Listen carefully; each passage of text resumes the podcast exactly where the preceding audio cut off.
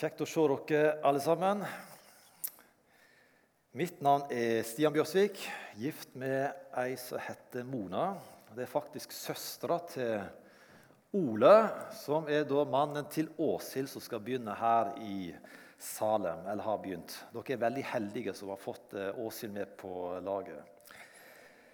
Så jeg òg eh, bor og trives på Kvitsøy, perla i Buknafjorden. Eh, far til fire har ei jente som er på Hawaii, på DTS. 20 år. Gutt på 16 som er på Tryggheim. Og en gutt på 13 som eh, bor hjemme. Og så er vi òg blitt fosterforeldre og har en gutt på 2 12 år som bor hjemme hos oss, og han er som en av våre. Og så har jeg jobba som lærer i ti år. Eh, på Kvitsøy skole. Det er en offentlig eh, skole. Jeg har vært engasjert i forsamlingsarbeid, i ungdomsarbeid på øya. Både krikk og konfirmantarbeid og eh, noe som heter Iktus. Og Før så, før jeg var, begynte å lære, så jobba jeg da altså i NLM. Her i det som nå heter region. Da heter det Stavanger krets. Og jeg da begynte som det som da het barne- og ungdomssekretær. Senere ble jeg det leder for NLM Ung. Så jeg har en del minner òg fra denne salen her. Men nå tror jeg faktisk over ti år siden sist gang jeg var her. Og Det var en utrolig spennende tid. Det var fra 2003 til 2008. Utrolig spennende, utrolig givende og utrolig krevende. Jeg skal komme litt tilbake til det til seinere. Men De siste tre åra har jeg altså vært eh, politiker på heltid. Vært ordfører på Kvitsøy. Så enn så lenge så har jeg da permisjon fra lærerjobben.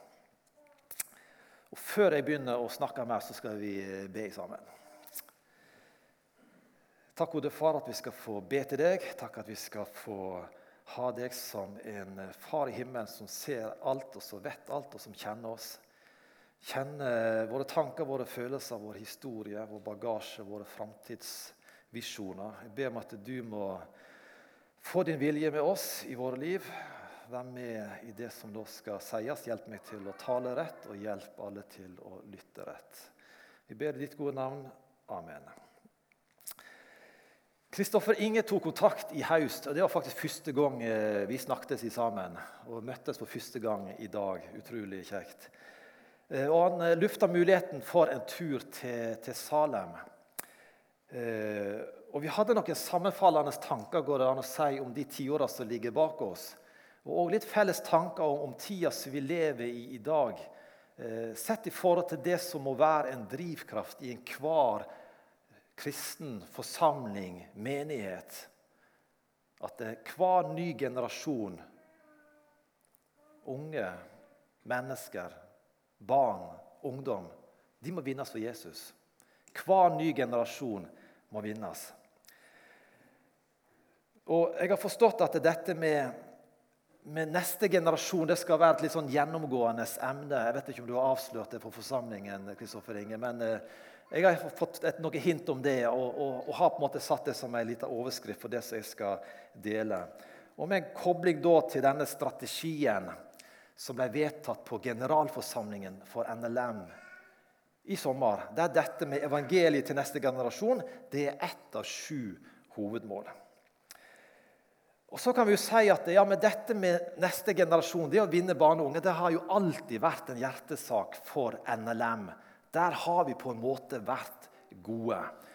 Og, og Det er mye en kan være takknemlig for når en ser rundt om i det arbeidet som drives ut ifra forsamlinger, ut ifra regionene.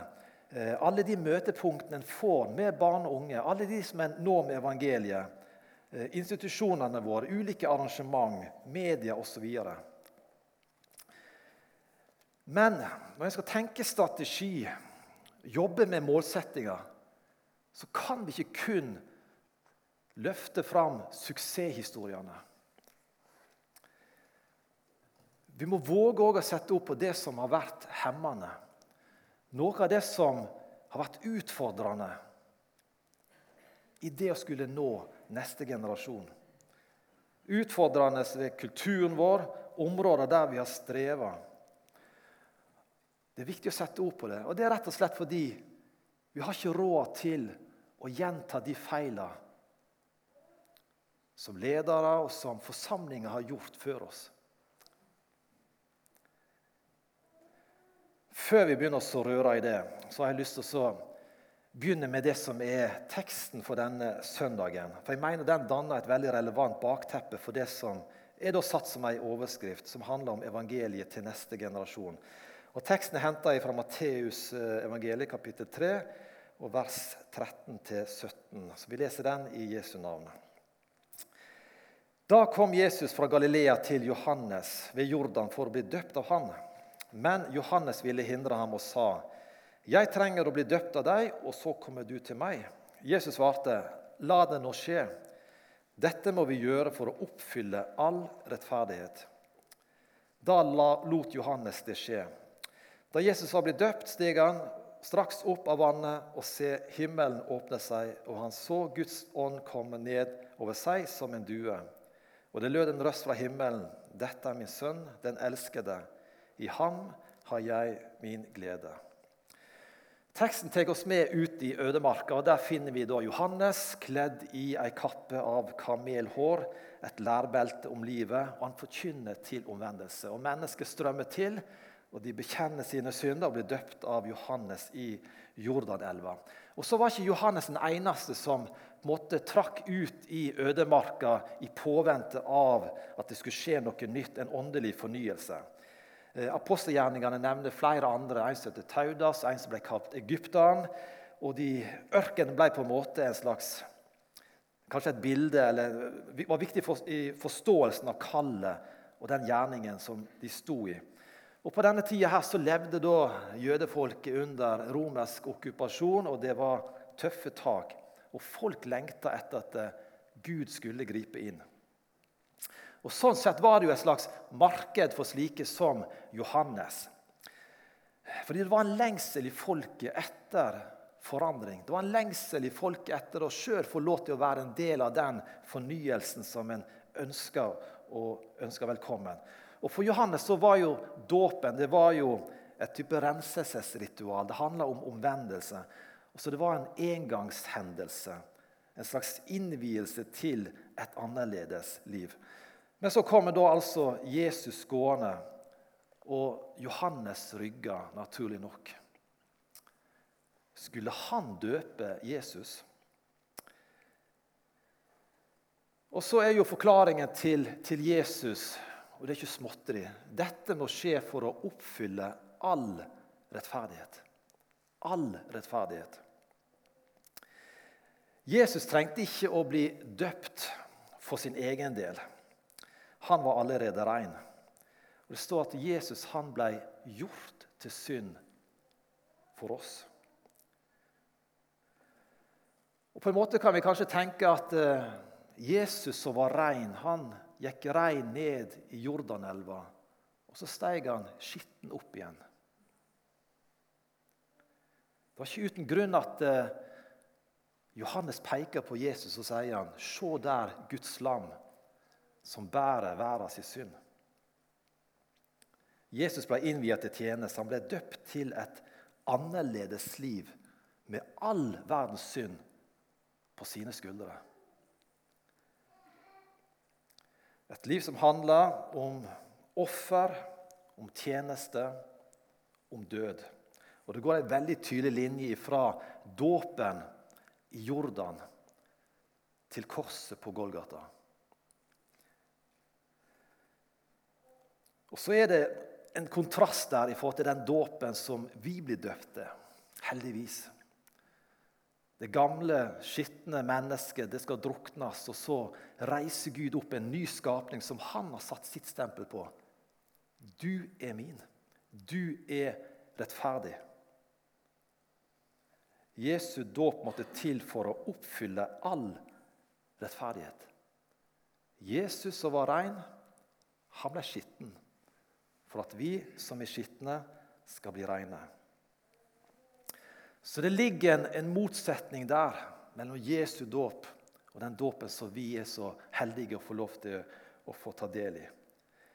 Men Selv om det ligger en motsetning der, så, så ligger det òg et eksempel, et bilde der, i den dåpen som eh, Jesus fikk i Jordanelva. Et eksempel til etterfølgelse. Det går an å relatere til de omgivelsene som var der, var der knytta til at Johannes drog ut i ørkenen, og denne lengselen etter fornyelse. Omstendighetene med okkupasjon og en lengsel etter Guds inngripen.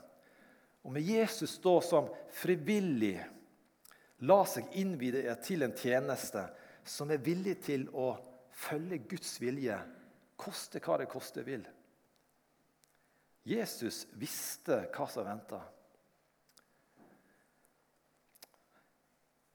Men én dåp har jeg å døpes med, og hvor jeg gruer til den er fullført, står det i Lukas 12,50. Så vanndåpen var fors, en forsmak på den lidelsesdåpen som Jesus visste venta.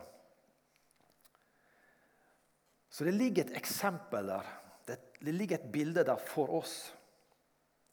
Et kall. Om noen vil komme etter meg, da må han fornekte seg sjøl. Og hver dag ta sitt kors opp og følge meg. Nåden i Kristus den er gratis, men det kan koste alt å følge Jesus. Og Bibelen er full av historier om enkeltmennesker som opplevde akkurat det. At det kosta alt å følge Jesus. Og Paulus hadde grepet det. Jeg er korsfesta med Kristus. Jeg lever ikke lenger sjøl, men Kristus lever i meg. Og For Paulus så ble jo det bokstavelig. Og forfølgelse av kristne det preger også 2023. Vi er kanskje litt snare med å gå ut forbi egne landegrenser når vi snakker om forfølgelse av kristne. Når det er snakk om ekstrem forfølgelse, så er det rett. Det er, en, det er en annen situasjon å være kristen i Norge enn i enkelte andre land. Men du verden, det hardner virkelig til òg i vårt eget land. Og Jeg tror vi er mange som kan nevne noen eksempler på det fra våre egne liv. Og Det er også gjort e-, egne undersøkelser de siste åra. Jeg eh, kom over en, en, undersøkelse som ble referert i, i Dagen, som var for et par år siden som forteller at 91% av kristne studenter i Norge skjuler trua si. Det er høye tall. Hvorfor det? Hver femte nordmann er skeptisk til kristne. Det er noe å tenke på når du sitter rundt lunsjbordet. Kristne blir også diskriminert på jobbmarkedet. Hvis du oppgir et kristent verv eller en jobb som er relatert til en en, type kristen virksomhet, så reduseres sjansen kraftig for å bli innkalt til et intervju. Hvis du har det på CV-en. 47 av nordmenn ville mislikt at et familiemedlem gifta seg med en pinsevenn. Jeg er litt sånn nysgjerrig på om prosenttallet er likt i forhold til sambanditter. Men det sier ikke denne undersøkelsen noe om. Men i tillegg så ser vi det i det offentlige ordskiftet. Vi ser det i praktisk politikk. Vi ser det at ytringsfriheten, trosfriheten, meningsfriheten den skrenkes inn på ulike måter. Det koster å stå på et klassisk syn i forhold til skapelsesordningen, i forhold til ekteskapet. Det koster å løfte fram at, at mennesket er fortapt, og at Jesus er den eneste veien til frelse. Det koster å løfte fram de sannhetene. Og debattklimaet vårt i landet det er, det er vesentlig dårligere. Så, så, den oppvoksende generasjonen av kristne de går ei tøff framtid i møte. Og Dette er vi nødt til å ta med inn når vi skal snakke om strategi, når vi skal definere målsettinger i en forsamling evangeliet til neste generasjon. Vi er nødt til å ta med dette, at det skjer noe i samfunnet rundt oss. Hvordan skal vi gi evangeliet videre? Hva vil omkostningene bli for de barna og ungdommene som kanskje reiser på leir på utsyn og drar hjem med en bevissthet. Jeg ønsker å følge Jesus. Hva kan omkostningene bli? Hva møter de? Hva kan omkostningene bli for lederen som skal stå der overfor barna og ungdommene, konfirmantene, de unge voksne, og som ønsker å forkynne en hel bibel? Som ønsker å gi bibelsk veiledning, som ønsker å snakke sant om livet. Omkostningene de kan bli enorme. Jeg har selv vært engasjert i konfirmantarbeid i, i 15 år. Og eh, har hatt et ønske om å være sannheten tru i kjærlighet. Og så vet jeg som, som, ordfører i dag at når jeg står overfor konfirmantene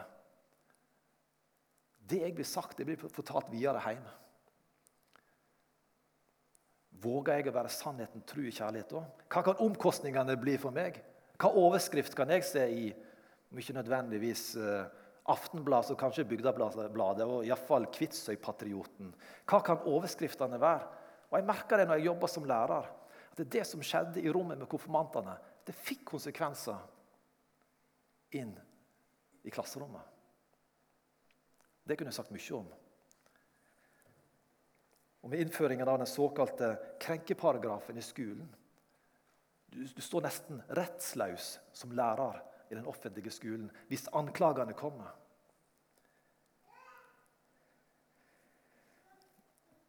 Poenget er at det hardner til rundt oss. Men det at samfunnet vårt endrer seg på enkelte felt, det skal ikke bety at pessimismen skal spre seg i forsamlingene. Vi er på lag med den sterkeste. Og jeg tror at vi skal få se en ny generasjon av unge kristne som er villige til å møte forfølgelse i eget land. Som er modigere og kanskje mer oppofrende enn min egen generasjon. Min bekymring er om er vi i stand til å gi dem den støtten som de trenger. Slik at evangeliet kan bli gitt videre. Har vi en kultur i våre forsamlinger på våre bedehus, i NLM, her i Sør-Vest, som gjør oss i stand til å framelske og ta vare på nye ledere. Unge mennesker som gjerne vil la seg innvie til tjeneste. Som ønsker å overgi seg sjøl til Guds vilje, koste hva det koste vil. Som ønsker å disippelgjøre andre. Og som er villige til å ofre, forsake, for å nå neste generasjon.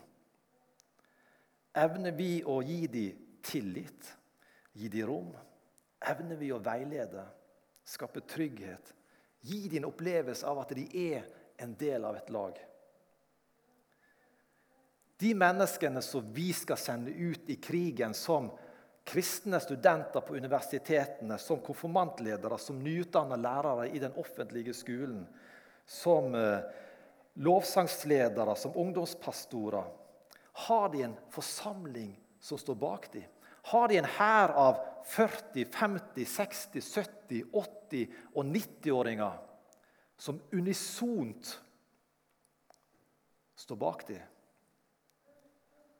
Som tilbyr åndelig, moralsk, praktisk støtte, som forstår, som oppmuntrer og som ber. Hvis jeg skulle svart på disse spørsmålene for 15-20 år siden, så ville det generelle svaret på det dessverre vært nei.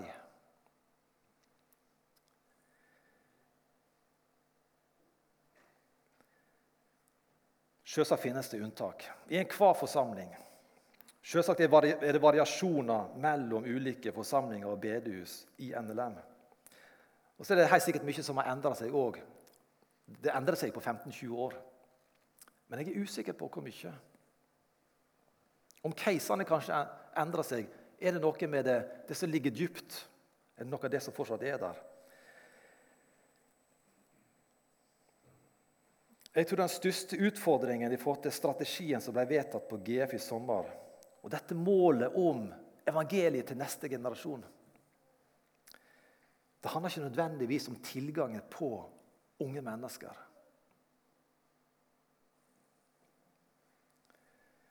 Jeg er redd for at den største utfordringen er at det er for få voksne mennesker som forstår.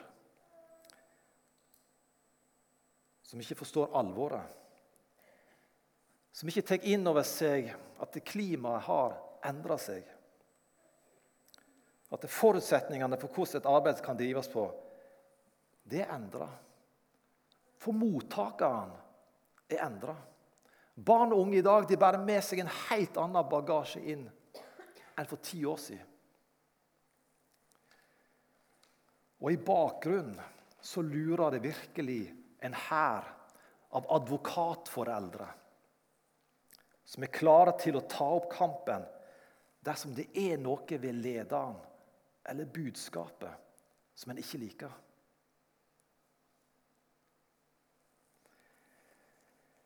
Og Sanksjonsmulighetene de er, de er mange. Den såkalte kanselleringskulturen den er, på, den er, på, god vei inn i landet vårt. Én feil uttale skal føre til at du, du blir plassert på sida. Utstøtt, uønska. Kommentarfeltene i sosiale medier de kan være nådeløse. Overivrige kommunepolitikere de, de rasler med sablene. Vil ta vekk støtten. Så Der du tidligere fikk offentlige midler, så risikerer du et avslag og et stempel i panna som forteller at du diskriminerer. Og Poenget mitt er at unge ledere som i 2023 og i åra framover er nødt til å face dette der ute. De må samtidig få slippe å drive en meningsløs og energitappende kamp her inne.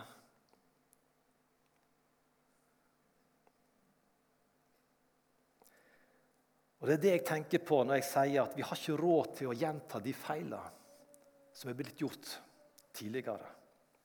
Vi har ikke råd til det. For kampen er, er der ute.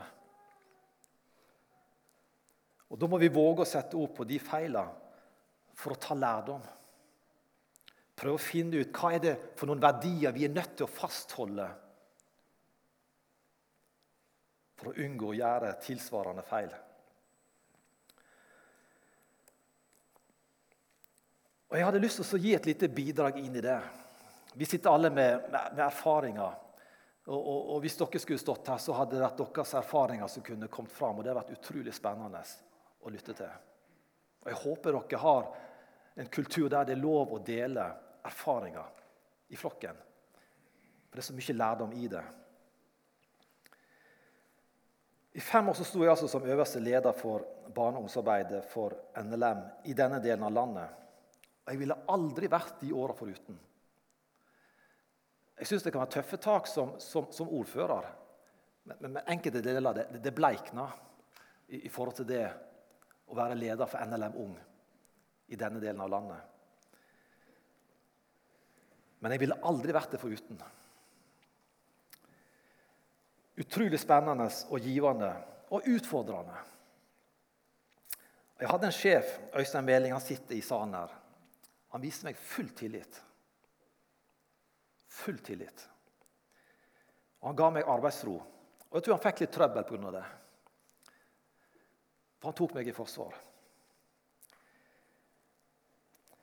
Da jeg begynte i den stillingen, det var i 2003, så det, dette er 20 år siden. Eh, men jeg kom rett fra studier i Oslo. Jeg hadde gått på idrettshøyskolen, jeg hadde gått fire år på, på Fjellhaug.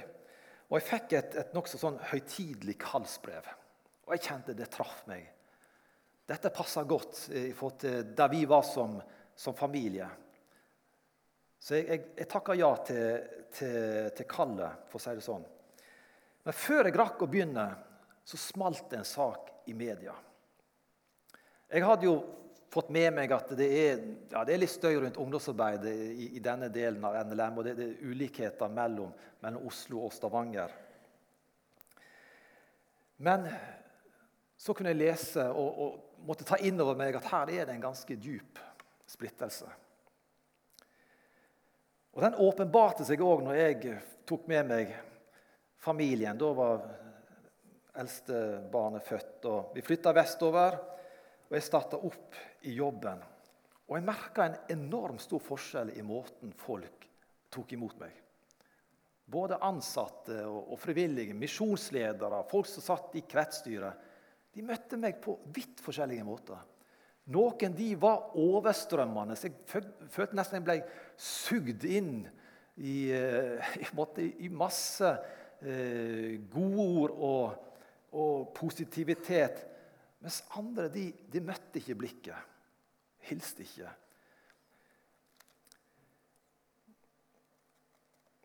Og Det hadde vært mye diskusjon rundt UL og sang og musikk. Det er sikkert flere her som, som kanskje husker det. For noen er dette kanskje bare helt, helt, en helt fremmed historie. Og Da blir det kanskje litt vanskeligere å koble seg på. Men jeg tror kanskje flere kjenner igjen noe av dette. Det var diskusjon rundt sang og musikk, og det var òg et eget eh, eget eh, vedtak med noen restriksjoner når det kom til virkemidler i, i ungdomsarbeidet. Drama og dans det var, det var bannlyst. Og en lys det måtte en bruke på rett måte. Hvis jeg ikke husker helt feil, så var det lov å bruke farga lys for å lyssette en scene. Men du kunne ikke ha blinkende farga lys. Det sto i, i, som en restriksjon. Så når jeg kom da og begynte jobben, så kom jeg midt inn i en ganske betent debatt. Eh, og jeg var sjanseløs, for jeg var putta i bås før jeg hadde hatt min første arbeidsdag. Jeg kom jo tross alt ifra, ifra Oslo, der utviklingen hadde gått litt lenger. Enten i feil eller rett retning, alt etter hvem du spurte. Men jeg var sjanseløs, og jeg oppdaga at det, her, det er mange dører her som er stengt allerede. Og andre dører ble kanskje stengt litt etter hvert. Og Dessverre var jeg kanskje også med å stenge noen dører sjøl. Jeg var jo avhengig av å ta de initiativene og gripe de mulighetene som åpenbarte seg. Og så var ikke alt som var like fornuftig. Jeg tipper det ble noen dører stengt i forbindelse med et, et, et ungdomsarrangement som flytta fra plass til plass, noe som heter Regaze. Det var noen i Oslo som hadde kommet på det. De hadde det der, Og så var det noen ivrige ungdomsledere her i regionen også som ville ta dette inn. Svein Anton Hansen var med her fra Salem, og Aslak Teita fra Klepp. Eh, og også noen fra Varhaug. Og Jeg husker jeg sto bak i salen der, og så var det rett og slett rockekonsert i dette rommet. Det kan hende ingen har hørt om dette før, men, men det var det faktisk. Og Øystein var, han, skal si at du var med, men du, du var der iallfall. Og, og det var jeg òg. Jeg skal innrømme jeg tenkte hva er det vi holder på med? Sprenger vi grenser bare for å sprenge grenser? Det var ikke alt som var klokt.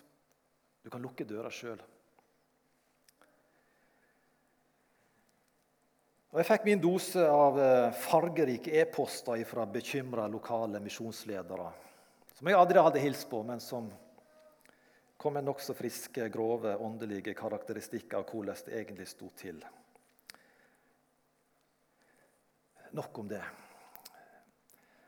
Disse restriksjonene om bruk av virkemidler de, de forsvant litt av seg sjøl fordi det skulle nye normallover inn, og, og ting ble avvikla litt naturlig.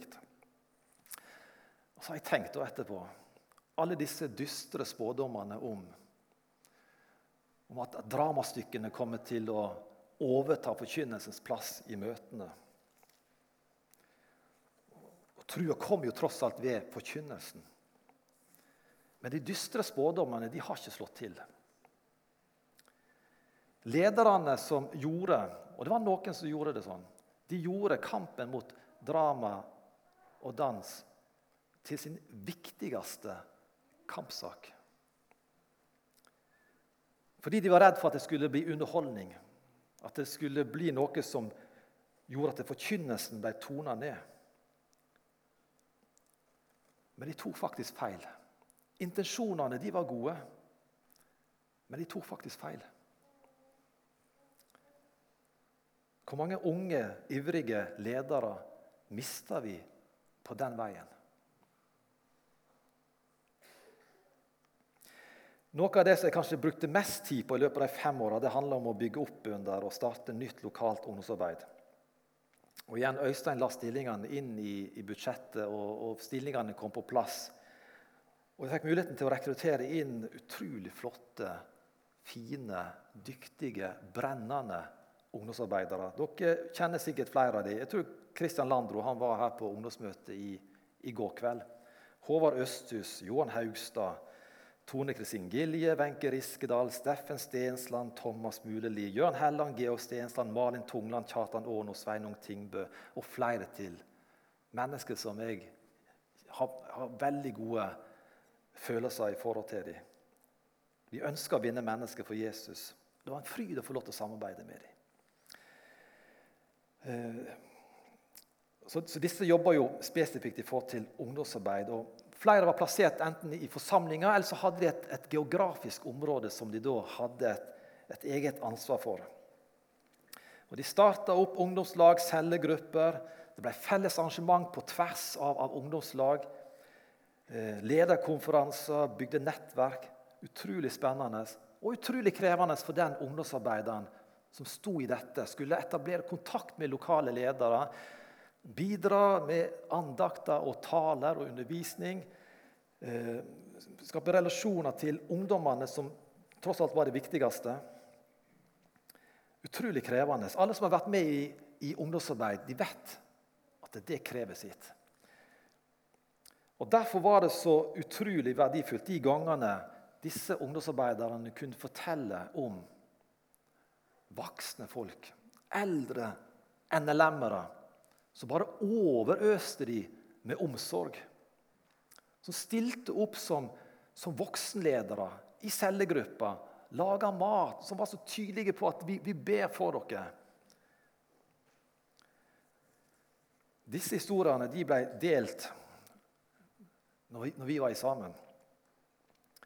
Og Så ble det òg delt utallige historier om støtte som uteblei om sentrale ledere på de ulike bedehusene som virka å være nærmest helt likegyldige i forhold til de initiativene som ble tatt. For ikke snakke om alle de gangene kritikken kom. Alle de uttalte forventningene, kravene, ønskene, suksessfaktorene som ungdomsarbeiderne og som de lokale ungdomslederne i ungdomslagene kjente at dette klarer ikke vi å leve opp til. All kritikken som ble målbåret fordi musikken var feil, sangene var fra feil bok, talene var feil, temaet var feil. Fokus på NLM som organisasjon det var, det var ikke nok til stede. Det var for lite ytremisjon. Og Det ble òg feil dersom en samarbeider med organisasjoner som Nordmisjon og IMF. Og IMI vågde vi ikke snakke om engang. Og Jeg glemmer aldri den gangen vi skulle arrangere et sånn felles ungdomstreff for ulike ungdomslag. Det var helt sør i, i Agder-delen av, eh, av, regionen.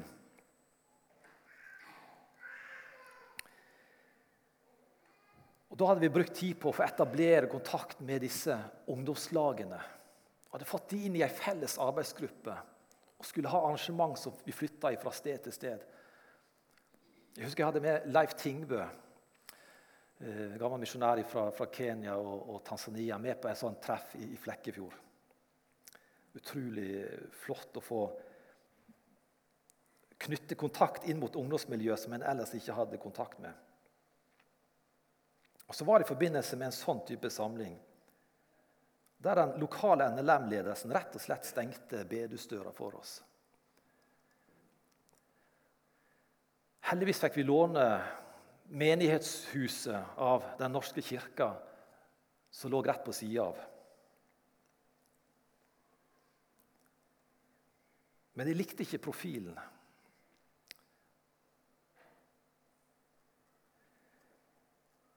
Og Det jeg satt igjen med, det var at eh, kjærligheten til beduskulturen den oversteg kjærligheten til de ungdommene som ønska å komme inn. At eh, tilliten til egen evne til å kunne bedømme noe på avstand Tilliten til egen evne oversteg tilliten til de ungdommene, lederne, som hadde stått i et ungdomsarbeid i årevis, og som satt i brann og ønska å gjøre noe for å gi evangeliet videre. Og når det kommer til stykket disse historiene er egentlig uvesentlige. Det, det, det er historie. Det har skjedd. Men jeg tror det er mulig å trekke ut noe læring. Jeg tror det er mulig å relatere noe til 2023.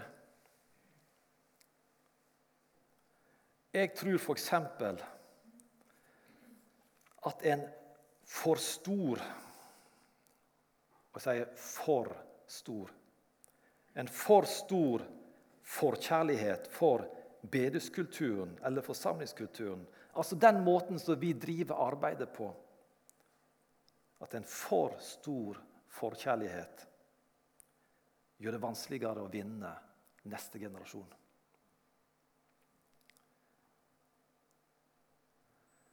Og jeg tror at vi kun kan klare å framelske og ta vare på unge ledere dersom vi unisont Det hjelper ikke med noen få enkeltmennesker i en forsamling. Vi må være unisone. Vi må unisont overøse med omsorg og tillit. Jeg er sikker på at det finnes en rekke unge ledere rundt omkring på bedehus og i forsamlinger. De er frontsoldater i arbeidet med å vinne neste generasjon. Men de savner inderlig å få være en del av et menighetsfellesskap der de blir overstrømt av omsorg og tillit.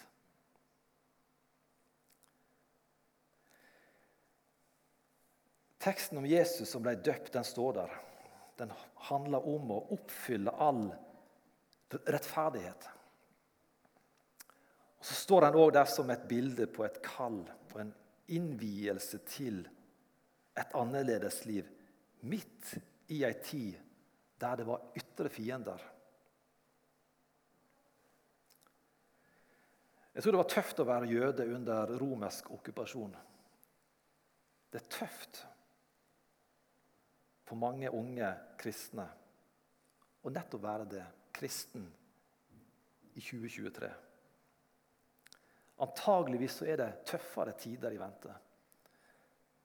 Er vi forberedt på det? Det står et utrolig vakkert løfte. Jeg skal avslutte med det. I Gamle Testamentets siste bok, Malakias 4,6. Og Det er et løfte, men jeg tror vi òg skal gjøre det til en bønn. Han skal vende fedrenes hjerte til barna og barnas hjerte til deres fedre. Rekkefølgen her den er ikke tilfeldig. Det begynner med han skal vende fedrenes og mødrenes hjerte til barna.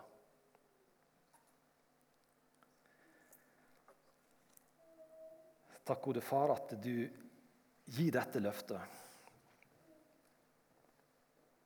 Jeg ber om at du må gjøre det til en bønn som kommer fra dypet i vårt hjerte. Amen.